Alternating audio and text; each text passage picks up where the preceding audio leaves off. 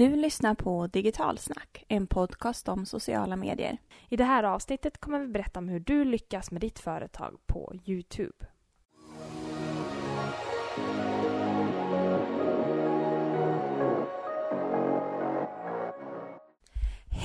Hej och varmt välkomna till ytterligare ett avsnitt av podden som håller dig uppdaterad i den sociala mediedjungeln. Den här podden drivs av mig, Jenny Lapti, och med mig har jag ju vanligtvis min kollega Cecilia Victoria Åslund. Idag befinner vi oss dock på skilda orter så jag fick äran att köra dagens avsnitt solo. Men för er som är vana och gillar att lyssna på eh, Cecilias röst så behöver ni inte vara oroliga för det är nämligen hon som kommer köra dagens intervju. Så stay tuned! Och vad är det då dagens avsnitt egentligen handlar om? Jo, Youtube. Ett media som ibland klassas som socialt media och ibland inte. För vi alla använder ju faktiskt Youtube men vi använder det på lite olika sätt. Men vi har ju tusentals influencers där ute och de om något är ju väldigt sociala. Dessutom har ju Youtube flest användare jämfört med de vanligaste social medieplattformarna. Youtube är dessutom superintressant och annorlunda jämfört med många andra social mediekanaler. För det första så kan vi faktiskt se att de flesta sociala mediekanalerna är ju mest kända för att det är vi kvinnor, power ladies, som använder sociala medieplattformar. Och vad kan det bero på? Vi kanske är bara allmänt mer sociala, vad vet jag, men så är det. Men inte när det kommer till Youtube. Här har vi faktiskt en större andel manliga användare som annars brukar hänga mer på forum. Intressant, eller hur? Sen så har vi den här yngre generationen där praktiskt taget alla från 12 till 25 år använder Youtube.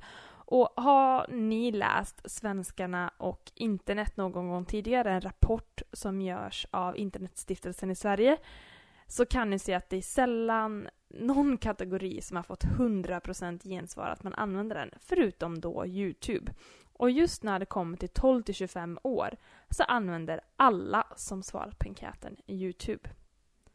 Och kikar man lite närmare på det, det är inte bara så att de använder lite då och då, utan kollar man på den yngre kategorin, alltså större andel som använder Youtube dagligen än som använder Facebook generellt i Sverige.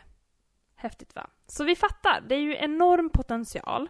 Det händer jättemycket. Det är en helt ny målgrupp som annars är väldigt svår att nå som vistas på Youtube. Och faktiskt är det så att alla andra vistas också där. Så det är en fantastisk kanal med enorm potential. Men hur gör man som företag om man vill komma in i den här kanalen? Ska man skapa ett eget Youtube-konto? Ska man använda influencers? Eller vad är det som faktiskt funkar bäst och är effektivast för företag? Det ska Maria Berghäll avslöja för oss.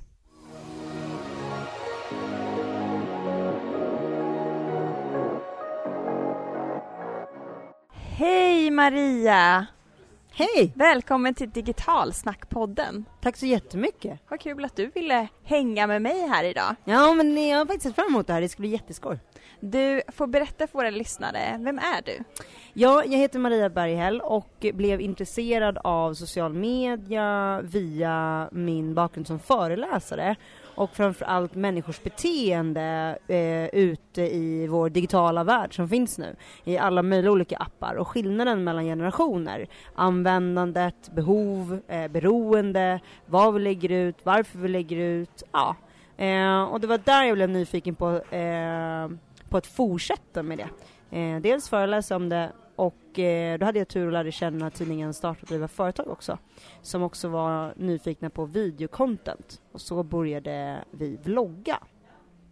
Mm. Och vi kommer ju prata mer om det här, lite generationsskiljaktigheter eh, eh, och det här med Youtube, företag. Det är ju lite trixigt eh, och jag tror många kanske inte riktigt har vågat att testa på Youtube. Så och är Youtube ett socialt media eller en samlingsplats för företags reklamfilmer idag? Ja, jag älskar, jag tycker det är en jättebra fråga. Eh, för mig så tror jag att eh, det jag märker av företagsvärlden kontra gymnasieungdomar och den yngre generationen, till exempel generation Z, eh, så är det ju väldigt olika sätt vi ser på användandet av Youtube. Det har varit en underhållningsplattform, mer och mer växer den fram till att bli en plattform där vi söker information, inspiration, kunskap och eh, ja men liksom blir en stor del av vårt dagliga användande. Det är bara att titta på den yngre generationen då, framförallt om vi tar generation Z som exempel. 100% av dem använder Youtube dagligen. Och det är faktiskt helt galet. I vilken liksom eh, undersökning har man 100%? Det måste vara unikt. Ja, det måste vara unikt. Och jag är så otroligt imponerad också. Youtube växer hela tiden, men jag hade ingen aning om det, men, men jag har lärt mig att så här, är det en miljard eh, visningar om dagen, mm. eh, som liksom motsvarar så här, 98 eller 96 procent av alla språk. Det är ju helt galet. Verkligen. Eh, och vad, vi pratar ju ganska ung målgrupp som hänger dagligen på Youtube. Eh, vilka liksom kan företag förväntas att nå? Vilken målgrupp kan, kan de hitta där? Eh, dels så kan de ju nå den yngre generationen och för, för mig när jag är ute och träffar företag som ställer frågor kring det här, då menar jag på att det är väldigt viktigt att våga testa Youtube och videokontent nu.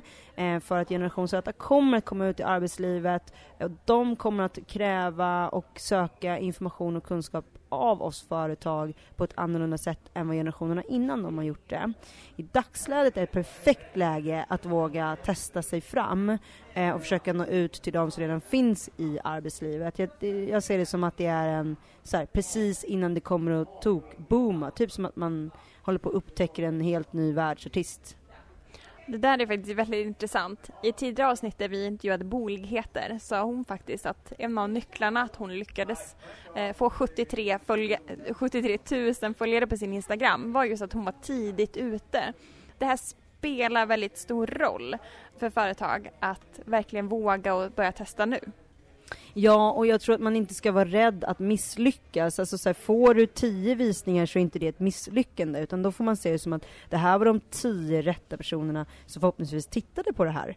Och då kan ge det mer effekt än om man har 10-15 000 visningar på första eh, klippet eller avsnittet. Det handlar ju om att bygga det contentet som, som, som du och ditt bolag vill få ut, antingen till era befintliga kunder, nya kunder eller samarbetspartners. Eh, ta till exempel en, en, eh, en, av mina, en, en av de som jag arbetar med idag är ABB.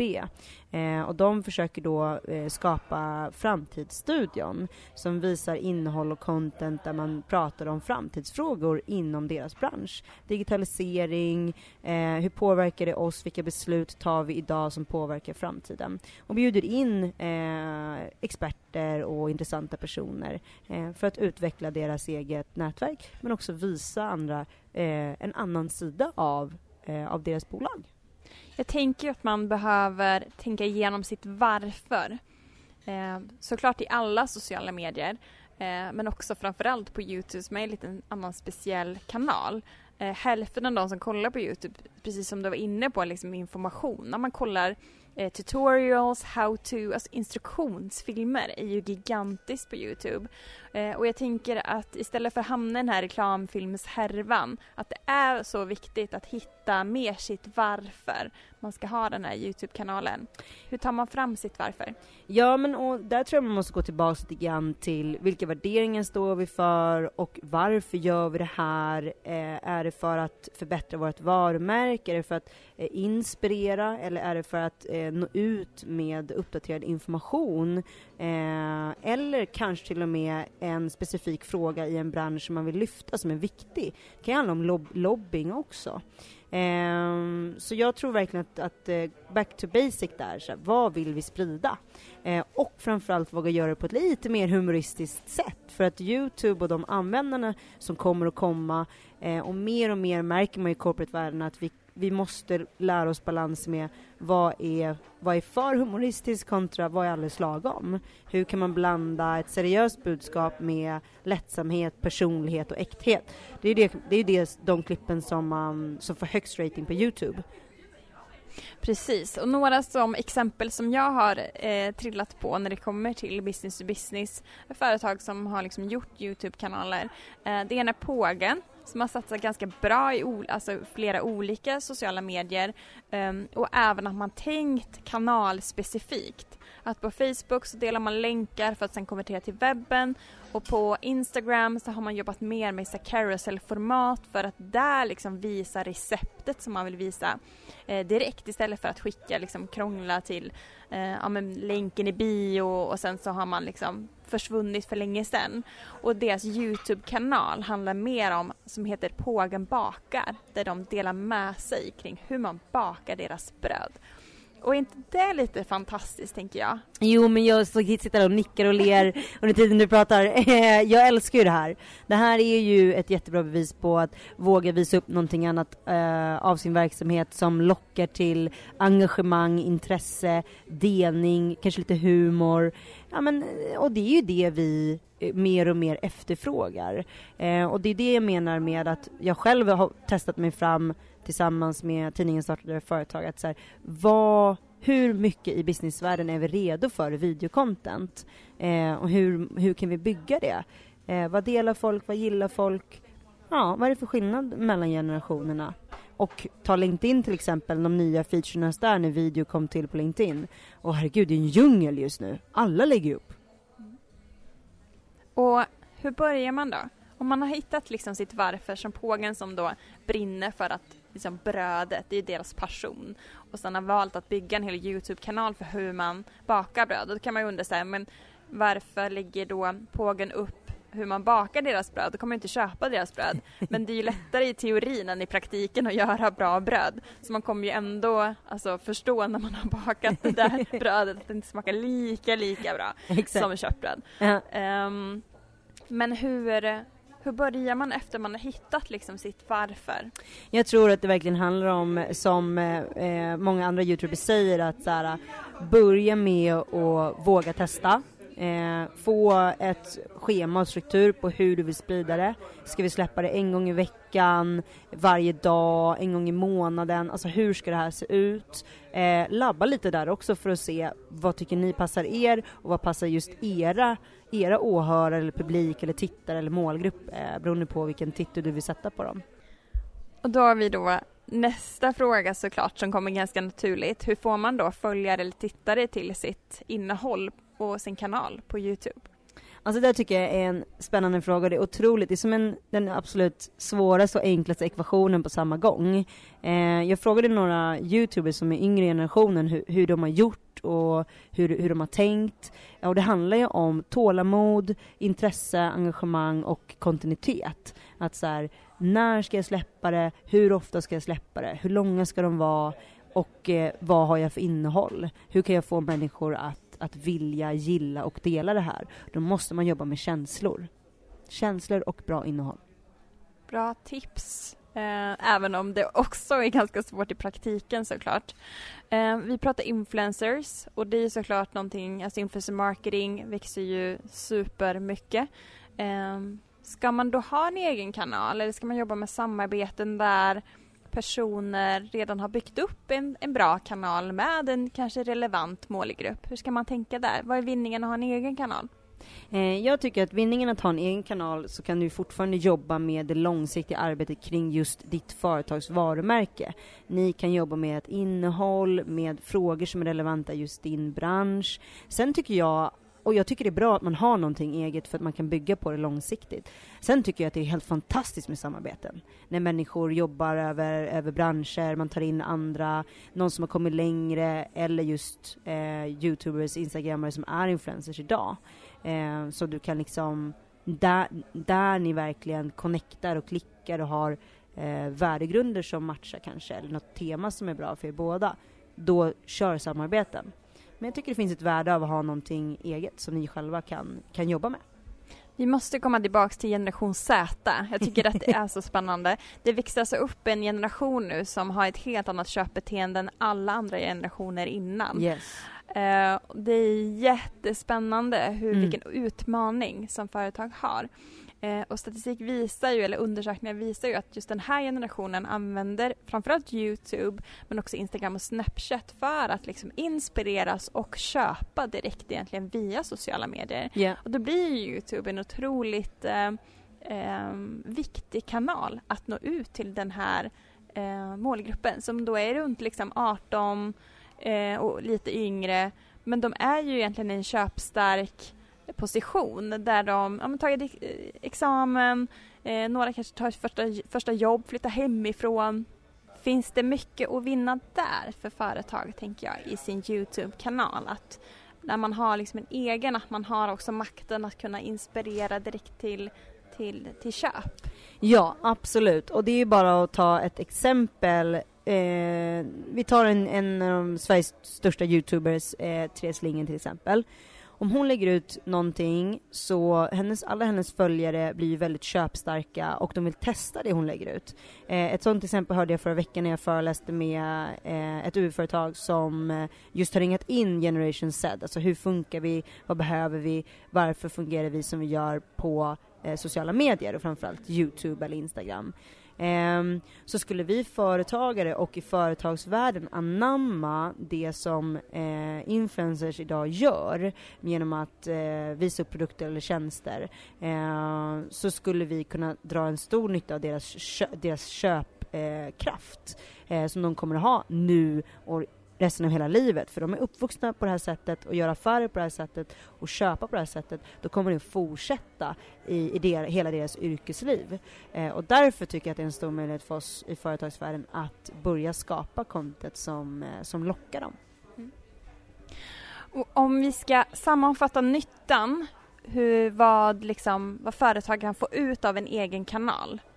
De tre liksom, starkaste sakerna för varför företag ska ha en Youtube-kanal dels, eh, ett tycker jag handlar väldigt mycket om att visa upp det varumärket och de värderingarna man vill stå för. Två, att hitta framtidens anställda, ledare, entreprenörer och företagare eh, på det sättet. Eh, tre, det finns en oändlig möjlighet till eh, utveckling och framtida samarbeten som jag tror att man inte kan ana idag. Mm. Och sen tre sista hur man kommer igång. Vad är det första man ska tänka på? Nu ska vi eh, tänka att nu samlar vi liksom ledningen eller ägarna av bolaget. Nu ska vi starta en Youtube-kanal. Nummer ett, vad gör vi? ja, ett, eh, bygg eh, tydligt vad vill vi sprida och varför gör vi det här? Mm. Och nummer två? Nummer två, vad ser vi oss själva med vår Youtube-kanal om två, tre år? Eh, när till exempel Generation Z är ute på riktigt, vad ser vi för vinningar i att ha nått den målgruppen då? Och vilka andra målgrupper idag kan vi redan attrahera? Mm. Och nummer tre? Och nummer tre, ha roligt, våga testa er fram och var kreativa. Eh, det är ju som sagt den här tiden vi ska våga testa. Mm. Och det där tycker jag är absolut det viktigaste som vi har nog pratat om i den här podden och verkligen våga. För att det finns också en vinning i att vara först i de här kanalerna. Ja, och jag måste bara säga att jag är otroligt imponerad och inspirerad av till exempel ABB som vågade testa ett ganska tråkigt ämne eh, som andra kanske tror är ett tråkigt ämne men som bara växer och växer och växer och växer och är otroligt spännande. Att se att ett industriföretag som de är kreativa, innovativa eh, och tar upp eh, väldigt spännande frågor. Du får ju en helt annan bild av vilket bolag det är och vad de gör. Mm. Så att Precis. klockrent exempel, våga. Mm. Testa er fram. De testade deras första eh, avsnitt som jag är programledare för. Det var 32 minuter långt som de la ut på Youtube. Mm. Eh, och, och, nu lite senare så har de kommit fram till, nej men just det, de kanske ska vara kortare. Mm. Ja, de kanske inte ska vara mer än 5-6 minuter. Mm. Eh, och ett annat bra exempel tycker jag är Byggmax som i liksom åtta olika avsnitt eh, visar hur man bygger en altan. Och det och, tycker jag också liksom knyter an till den här liksom känslan och sitt varför eh, man ska finnas där. Ja, eh, och jag, jag hjälper företag att försöka vara lite mer kreativa på det sättet och jag älskar ju när man kan visa upp sin verksamhet på nya sätt som man inte tänker liksom i första tanken. För det är det som vi har pratat om, det lockar till ett engagemang, ett intresse och det är en känsla. Eh, Youtube själva har ju tagit upp det att det måste gå på någon form av känsla så att människor vill titta mer eller dela. Mm. Och om man nu vill ha fler tips på företag som man, är duktiga på att tänka rätt kring och ha en egen Youtube-kanal eller behöver hjälp att komma igång, hur kommer man i kontakt med dig då? Eh, mig hittar man eh, dels via, som föreläsare i Sveriges talare, men annars så kan man mejla maria at priceofvalue.se så kan man eh, jättegärna sätta ner och prata om videocontent, framtid, Youtube och hur vi attraherar nästa generation, men också hur du går hem till marknaden idag, hur du kan våga testa och bygga business content idag. Jätteintressant. Tusen tack för att du vill vara med. Tusen tack för att du fick vara med.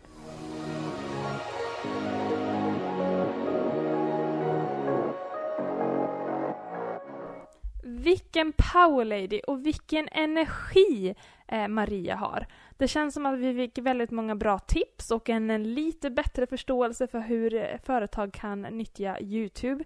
Så stort tack för det.